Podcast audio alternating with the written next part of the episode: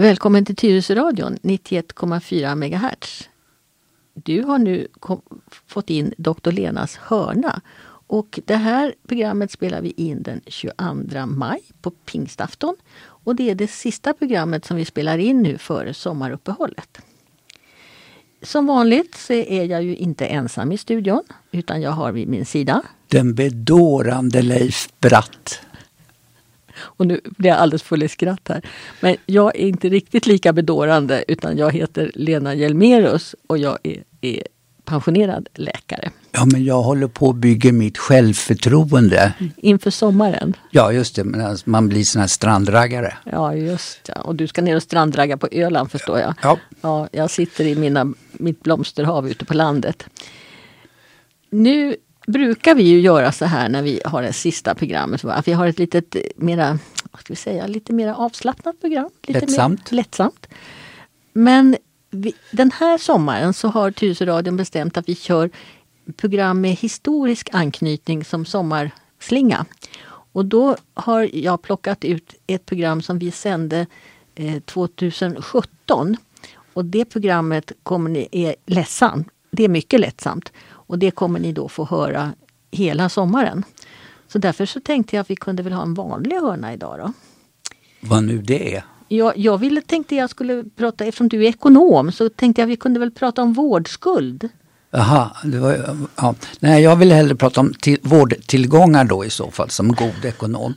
Nej, men jag hade med mig i bagaget, eh, jag, jag tänkt så här, tid, alltså för en 20-30 år sedan, då hade vi en annan slags epidemi, eh, jag kan inte säga pandemi, men man oroade sig väldigt mycket över ökade andel allergier i samhället. Och min tanke var att få reda på från dig, finns det någon koppling med immunförsvaret och allergier? Alltså immunförsvaret är ju i ropet nu för att skydda oss mot den här corona. Och Leif, det var ju en himla tur att du förvarnade mig om det. För om du visste hur mycket jag har fått läsa på. Du vet, jag gick ju min utbildning på Gustav Vasas tid och eh, då var det här med immunologi, det var knappast ens ett eget ämne. Eh, och vi gjorde ju faktiskt ett program för två och ett halvt år sedan som handlade om immunförsvaret och det heter Immunförsvaret är i full beredskap. Det var lite sån här militär touch på det. Och det spelade vi in innan coronapandemin hade drabbat världen. Och det har nummer 2617 om det är någon som vill lyssna på det programmet. Vi kan länka till det också. Och där pratade vi om immunförsvar. Men från den utgångspunkten att det var egentligen ett, ett program i serien om våra blodkroppar och om våra vita blodkroppar. Och när jag nu har lyssnat igenom det programmet så visst, det stämmer fortfarande. Men på de här två och ett halvt åren så tror jag alla våra lyssnare har lärt sig väldigt mycket mera om sånt som antikroppar till exempel. Och därför så eh, får vi lägga upp den nivån lite grann idag. Men du får väl göra som vanligt att du får sparka på mig om jag har för svåra ord. Ja. Ja. Kommer du ihåg något ifrån det där programmet vi spelade in då? Eh, nej, jag brukar bli beskylld för glömska, men då säger jag så här. Jag kommer mycket väl ihåg att jag eh, eh, tidigare eh, kom ihåg. Så, och, och eftersom jag kommer ihåg det, att jag då kom ihåg, så är ju inte jag glömsk. Det där var för invecklat för mig nu på morgonen, hörde du? Det var filosofiskt. Ja.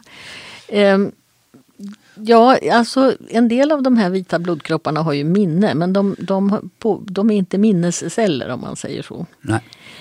Nej men alltså min tanke var så här att eh, för, på 90-talet då, då var det väldigt mycket prat om eh, alarmerande ökning av allergier. Mm. Och eh, då så vet jag att man här i kommunen gjorde någon slags undersökning, den kallades Örebro eh, undersökningen eller någonting. Det var Örebro i alla fall på något sätt. Och då frågade man mellanstadieelever eh, om de hade någon överkänslighet. Alltså det var bara att svara på i en enkät då, ja eller nej och kanske beskriva vilken sorts överkänslighet man hade. Och det visade sig att ungefär, jag kommer inte ihåg exakt siffrorna, men ungefär var tredje mellanstadieelev uppgav någon form av överkänslighet. Och då gjorde man den här äh, undersökningen äh, i Baltikum.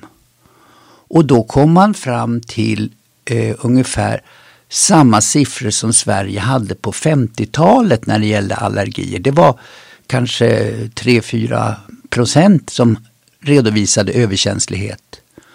Och då tog man undersökningen ett steg, ett steg längre och gjorde i Zimbabwe, som då tror jag hette Rhodesia. Va? Ja, I alla fall där i huvudstaden som jag tror heter Harare. Då tog man ute, alltså en, en bit utanför staden, lite landsbygd.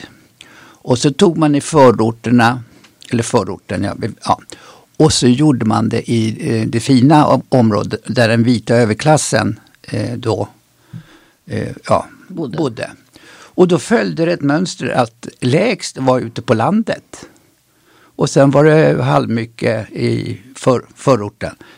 Eh, och, och sen mycket mer i den ja, upper class området. Och då tolkade man det som att man bor tätt och nu ska vi hålla avstånd. Eh, renligheten kanske inte var den allra bästa. Man duschade kanske lite oftare i det fina området. Ja. Så man gjorde en tol eller koppling till eh, ju mer alltså, hygien vi höll, eh, ju eh, ja, känsligare blev vi. Vi bromsade vårt det är det som är min fråga. Är immunförsvaret kopplat också till allergifrekvensen av allergi? Det är det jag undrar. För då skulle man bo tätt, då blev det låg allergihalt. Nu ska vi hålla avstånd för att få låg smitthalt. Och eh, eh, vi ska tvätta händerna utav bara 17 eh, för att inte sprida smittan. Med allergier så sa man att vi var för hygieniska. Alltså jag får inte ihop ekvationen. Förstår du min, ja, min ja. grubbling? Oh ja. Och eh, det enkla svaret är att man kan lyssna på professor Agnes Wold i Göteborg som säger att eh, sluta städa, bry er inte så mycket om skiten, ni mår bättre om vi inte städar. Men då blir det inget, då, blir ju, då får man lyssna på hennes radiopodd. Men eh, det blir inte så kanske allmänbildande som vi försöker vara här.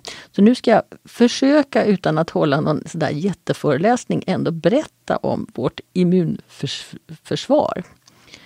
Och då förstår du, är det så här listigt att vi, har, vi, har, vi föds med ett medfött immunförsvar. Annars så skulle vi överhuvudtaget inte överleva vår födsel, om man säger så. Och det har alla människor. Och eh, får man dessutom då eh, ammas, eh, så man får i sig lite bröstmjölk, så precis som alla andra däggdjur så får vi i oss ett skydd den första tiden genom amning också. Sen klarar vi oss utan amning om det skulle vara ett katastrofläge, men vi är lite bättre rustade om vi får, blir ammade, åtminstone den första tiden. Det där medfödda immunförsvaret, det är ganska snabbt. Så, så fort det kommer in saker i kroppen, virus, bakterier, ämnen som inte kroppen känner igen, så kan det reagera.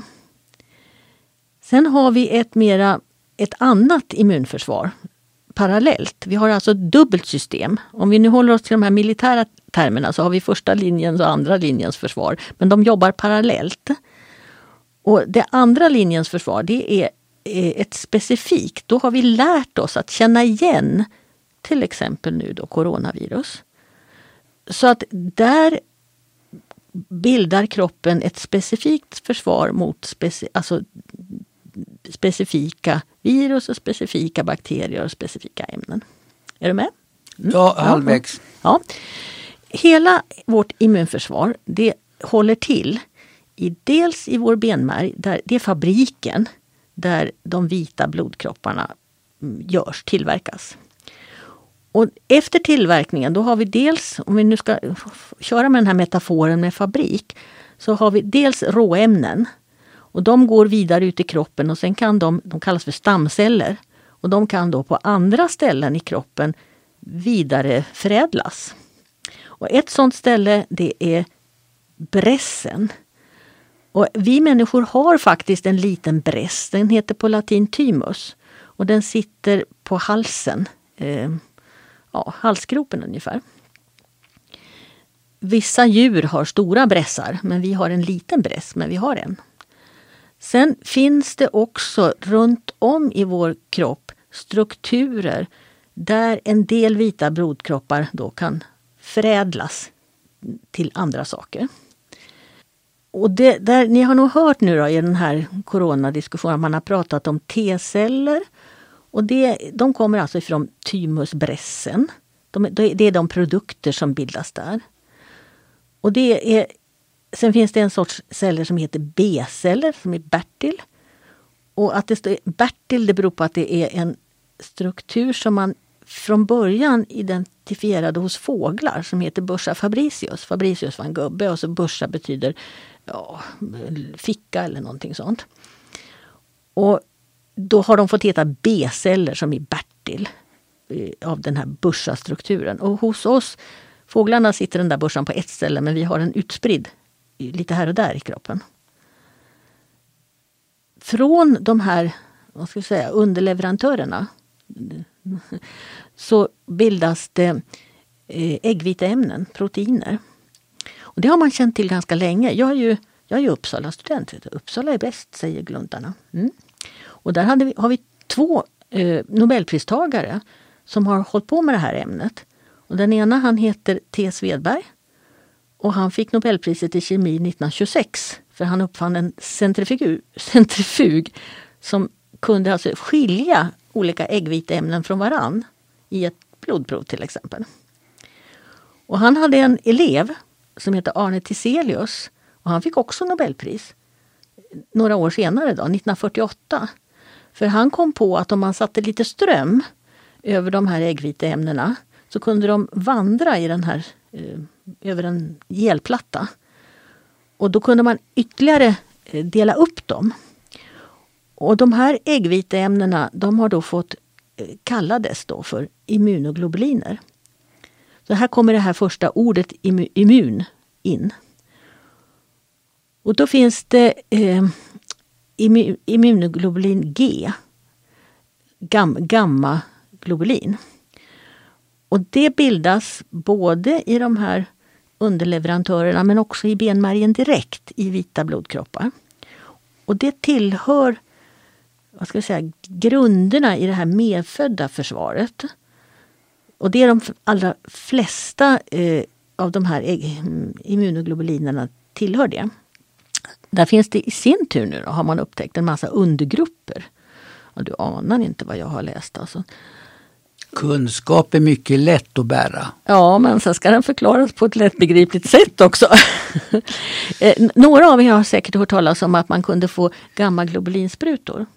Och det var alltså en äldre metod på 60 och 70-talet när man tog de här IgG äggviteämnena och så sprutade man in liksom, då fick man lite av varje. Och för den som hade ett dåligt immunförsvar så kunde man faktiskt må lite bättre. Men det var ju vad vi hade på den tiden. Det finns en grupp såna här eh, immunoglobuler, de har olika bokstäver. Det finns en som heter E som är Erik. Och den vet man hör ihop med allergier. Om man har en allergisk reaktion, om man har fått reagerat på någonting, då får man ofta mycket mer av den äggviteämnet som tillhör alltså vårt specifika immunförsvar. Nu blommar, ja det är mycket som blommar nu. Gräsen blommar och björken har precis slagit ut. Och pollenallergi, det är en väldigt typisk IgE-reaktion. Då är alltså e, E-globulin? Ja. Gam, äh, Erik Globulin som man ja. ska ta? Ja, och då, då, kan man alltså på ett blodprov, man, man söker för höstnuva eller eh, astma eller någonting sånt här, brukar man nog i allmänhet kolla lite hur mycket sånt här IgE som man, man har. Och har man höga värden då kan man säga att det, det är sannolikt ändå en allergi det här. De här äggvita ämnena de bildas mest i B-cellerna som satt lite här och där i kroppen. De kommer också ifrån benmärgen direkt men det är mycket underleverantörer inblandade här. Och ibland går det till så att underleverantören gör en annan sorts cell som i sin tur sen kan bilda eh, de här antikropparna. Alla de här immunoglobulinerna de kallar vi idag nog mer för antikroppar. Det är inte riktigt helt synonyma begrepp men, men de, de, orden ersätter varann. Och det som är typiskt för en antikropp det är att den är, tillhör det här specifika immunförsvaret. Den är alltså skräddarsydd just för det kemiska ämnet. Och i och med att vi har en massa kemiska ämnen runt om oss hela tiden i, i vår tillvaro så kan vi alltså bli eh, allergiska mot väldigt många underliga saker. Men det här specifika immunförsvaret det förutsätter att man en gång har fått, man har kommit i kontakt med det här eh, retande ämnet en gång. Jag är ju biodlare och då brukar man säga att man är allergisk mot bistick. Första gången man får ett bistick, då är man inte allergisk. Då får man en, en reaktion på giftet. Och då, får, då reagerar kroppen med en inflammation. Det blir svullet och rött och värker och gör ont. Men om man är biodlare och får många stick och inte använder skyddsutrustning, då kan man bli allergisk mot bistick. Och det är bara biodlare nästan som är allergiska mot bistick. Därför att man måste alltså få det flera gånger. Hänger du med? Ja, lite grann. Men alltså man säger så här, i, i, både när det gäller då att bekämpa virus och när det gäller att bekämpa eh, retande ämnen så är det immunförsvaret som är inblandat. Ja, och, och, och, och det, alla har ett immunförsvar. Och det, vi har två sorter. Vi har ett som är medfött och som är snabbt men ganska ospecifikt. Och där vi kanske mera får såna här lite mera diffusa symptom som, ja, som vid pollenallergi till exempel. Att man får bli täppt i näsan och röd i ögonen och, och mm, mår kivens. Det, det, här, det som sätter igång själva reaktionen i kroppen det är en massa ämnen som frisätts ifrån olika celler. Och eh, en del av de här gift, eller ämnena är, är ganska, de är ganska kraftiga. Och det är, det är sådana ämnen som man också spårar när man gör så kallade pricktest. Då, då tittar man på hur får man reaktion på olika sådana här ämnen. Och det vanligaste är kanske histamin. Eh, det tror jag nästan alla känner till att det finns ett sånt. Eh, eh, ja, de heter olika namn. Det är en hel grupp med ämnen som sätter igång den här vad ska vi säga, inflammationen. Så kroppen försvarar sig alltså med hjälp av inflammation och med hjälp av antikroppar som bildas i det här andra immunförsvaret. Och sen har vi också i ursprungsfabriken i, i benmärgen så har vi också speciella celler som käkar upp inkräktare. Vi har, har storätare och vi har eh, celler som äter upp bakterier till exempel. Så att vi har ändå, det är därför vi har överlevt i så många miljoner år. Vi har ändå ett ganska bra immunförsvar. Och det är ju inte så att vår moderna livsföring på något vis har eh, säga, förstört det. Utan, eh, men, men däremot om man har om man till exempel har en allergi och hösnuva, pollenallergi. Då blir hela, alltså hela immunsystemet blir påverkat av att Ja, men vi tar den här militära liknelsen igen. Då, att om man sätter in alla styrkorna på en front, då sviktar en, en annan front lite grann. Hänger du med? Ja. Han nickar här storögt. Ja. Så att, att det är klart att, att mera allergier påverkar vårt immunförsvar. Och har vi ett bättre, starkare immunförsvar så kanske vi får mindre allergier. Men det viktiga är att vi inte ska utsätta oss för för, för mycket renlighet. Utan vi behöver, vi behöver... Agnes Wold hon pratar ju lite om att vi behöver träna vårt immunsystem hela tiden. En del kallar det motionera. Ja, ja motionera immun. immunsystemet. Ja. Sen förekommer det ju på nätet och så här miljoner olika eh, preparat, dyra preparat som stärker immunförsvaret. Men det viktiga nog är att man försöker att leva ett, eh, ett liv utomhus som man kommer i kontakt med jord och luft och vind och växter och, och sen att man undviker sånt som man vet är, är man ska inte gå och ta i björnlokor och man, man ska vara lite försiktig med, med gullviverblad och sånt där och som, som kan utlösa eksem. Mm. Och har man eksem i släkten så ska man också vara lite försiktig med att ta hål i öronen och sätta i Ska man ha hål i öronen så ska det vara eh, riktig ädelmetall och inte norokrom. eh, som ju kan utlösa då en kontaktallergi. Om man då pratar om ordet intolerans, exempelvis laktosintolerans, är det att man är allergisk mot eh, laktos eller är det någon egen sorts eh, diagnos? Alltså intoleransen, liknar det allergi eller är det något ja, annat? Det, ja, det liknar allergi men det finns två som man ibland rör ihop där lite grann. Det ena är gluten och gluten är ett sånt här ämne som pollen ungefär som kan reta väldigt mycket. Eh, laktosintolerans det är mer att man saknar ett eh, enzym i kroppen som gör att man har svårare att bryta ner mjölksockret. Laktos är ju mjölksocker. Eh, och eh, när man har svårt att bryta ner mjölksockret då, då kan man i sin tur få en, en obehaglig reaktion av mjölksockret. Det är inte alla som tål mjölksocker. Och det är genetiskt. Det, det där är, är eh, vi nordbor eh, har mindre laktosproblem än vad man har om man till exempel kommer ifrån Mellanöstern där man, eller runt Medelhavet där man, där man inte man dricker inte mjölk på samma sätt därför att man får ont i magen av det. Jag har en avlägsen bekant som var just laktosintolerant. Eh, trodde han. Eller han upplevde det. Och så gick han på något sätt och testade sig och så fick han besked om att nej, du är inte laktosintolerant. Det, det, det, det är du bara i ditt huvud, mm. ungefär så. Ja. Och då gick det över. Ja. Man kan alltså, de flesta sådana här vad ska säga, allergiska reaktioner, det kan man testa och se vad det är för någonting.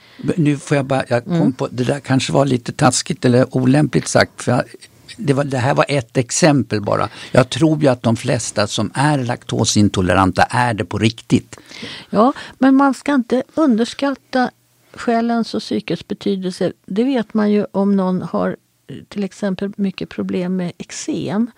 Att är man stressad och, och ja, inte mår bra i själen, då, då flammar ofta eksemen också. Så det finns ju samband. Och, och, det kan man ju säga att ja, okej, det är väl kemiska samband, det är ämnen som frisätts och retar. Men samtidigt så vet vi också att om man, om man till exempel man använder ju medicinsk yoga. Och det här är kunskap som också är väldigt gammal, långt innan vi hade mediciner. Man ska komma ihåg att en, en sån sak som kortisonkräm som många har för handeksem till exempel. Det fanns ju inte förrän på ja, någonstans runt 1955-58 kom det. Och innan dess hade man alla möjliga konstiga salvor. Eh, men kortison som idag är basen i väldigt mycket Eh, behandling just av utslag och, och, eksem. Eh, det hade man inte lärt sig att, att framställa syntetiskt och blanda in i, i salvorna förrän, förrän ungefär då. Det, det, är svårt att säga om det är mera allergier det, sannolikt är det mer allergier nu därför att vi har mycket mer ke, främmande kemiska ämnen i vår miljö. Men, men vi har också bra hjälp för det.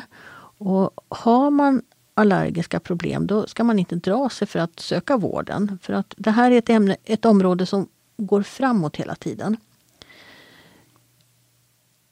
Sen har vi också upptäckt en hel grupp med sjukdomar där man så att säga blir allergisk mot sig själv. Där det, det, här äh, immunsystemet spårar ur. Eh, och där finns också idag mycket bra behandling som är skräddarsydd för att både dämpa den här eh, överaktiviteten i immunsystemet och samtidigt se till att de ämnen man reagerar mot hålls i schack. Eh, Det där tror jag också vi har gjort ett eget program om men jag kommer inte ihåg vilket nummer vi har på det. Titta inte på mig. Nej, det där får vi återkomma till någon gång. Nu börjar vi hamna på en väldigt svår nivå här, hör du. Jag är ganska glad att klockan går så fort. för det här är nästan precis vad jag klarar av att förklara för er lyssnare. Och man kan väl säga den som inte har förstått allt vad du sa, eller gör alla, är välkommen med att ställa frågor. Ja, det kan man göra. Och 1177 har i det här fallet väldigt bra sidor, lättförståeliga och där det står precis som hur immunsystemet fungerar och när man ska söka hjälp. Så i det här fallet tycker jag 1177s eh, råd är bra att, att, läsa. Man får leta lite där men det är lätt att hitta och det står, finns en egen flik för allergier. Får jag prata lite om vårdskulden nu? Ja. ja tack ja. ekonomen. Eh, det är ju jättesvårt att säga hur stor den är. Vårdskulden det är alltså det ja. som sjukvården inte har kunnat göra under det här pandemiåret och nu halva, det är ju ett och ett halvt år som vi har nu haft det här med att sjukhusen måste prioritera de covid-sjuka. Och det finns, det börjar komma lite siffror på det. Om man tittar på hur många operationer som har gjorts så har man alltså jämfört med året innan, 2019, så gjorde man 23 procent fler än vad man kunde göra under 2020. Eh, och det är ganska mycket det. Har du några siffror på vad är 23 procent? Nej, inte sådär i, i så så antal. Men man, man, man, kan tänka på är, vilka operationer man har skjutit upp. Ja, det är höfter, uh, utslitna höfter, det är utslitna knän, det är problem med händer och fötter, alltså det ortopediska ingrepp.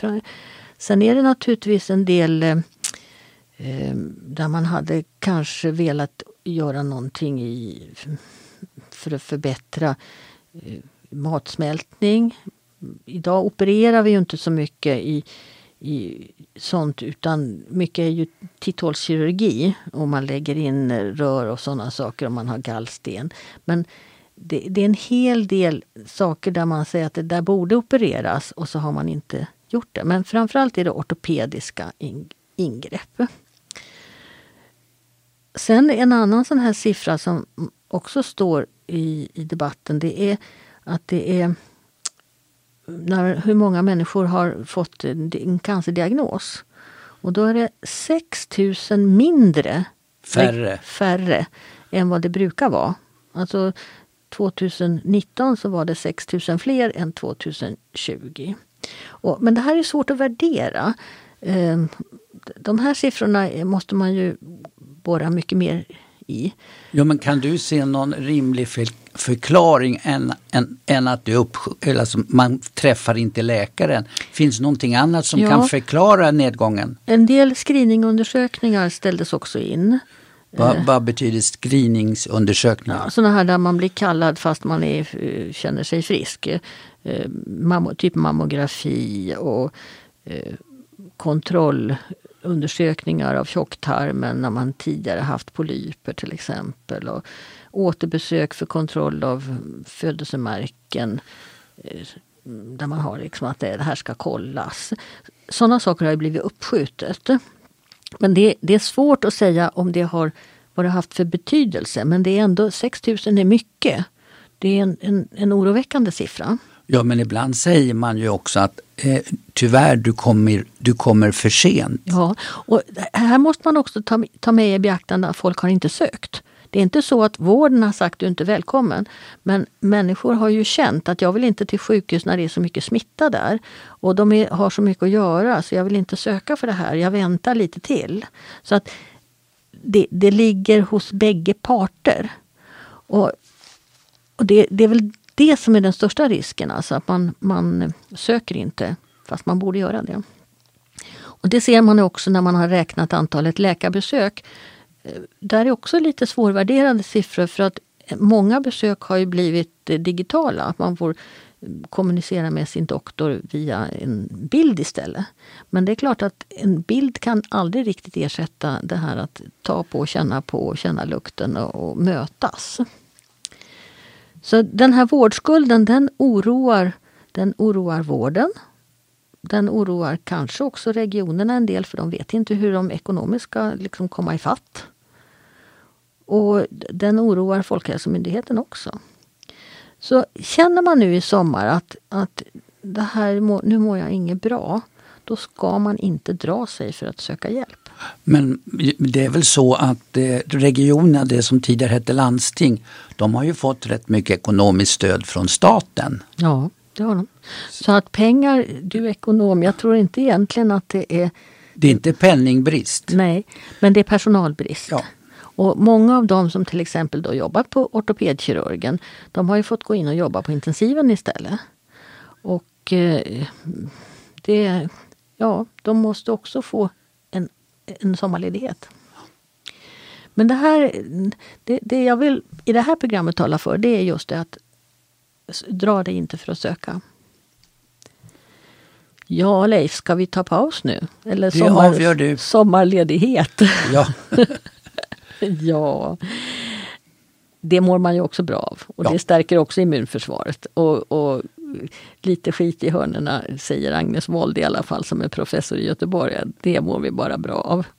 Ja men alltså, jag menar det här med hygien och så. Eh, vi ska tvätta händerna. Men alltså det, var ju också då, jag vet inte hur det är idag men då skulle man ju duscha två gånger om dagen. Alltså på morgonen skulle man duscha och sen på kvällen skulle man duscha. Jag tror att Agnes säger att det räcker med en gång var fjortonde dag eller något sånt. Men, men, och, och hon tycker inte man behöver hålla på och dammsuga så mycket och man behöver inte byta lakan men man kan ju skaka av hudflagorna som man har lämnat i dem och ja sådär. Eh, Hon, det är trevliga program att lyssna på. Hon har en egen podd. Ja. Ja men då tar vi lite sommarlov nu Leif och så återkommer vi. Vi brukar komma i augusti igen. Mitten på augusti. Ja. Ha en nu riktigt skön sommar allihopa. Tack säger Lena Hjelmerus. Och Leif Bratt. Hej då!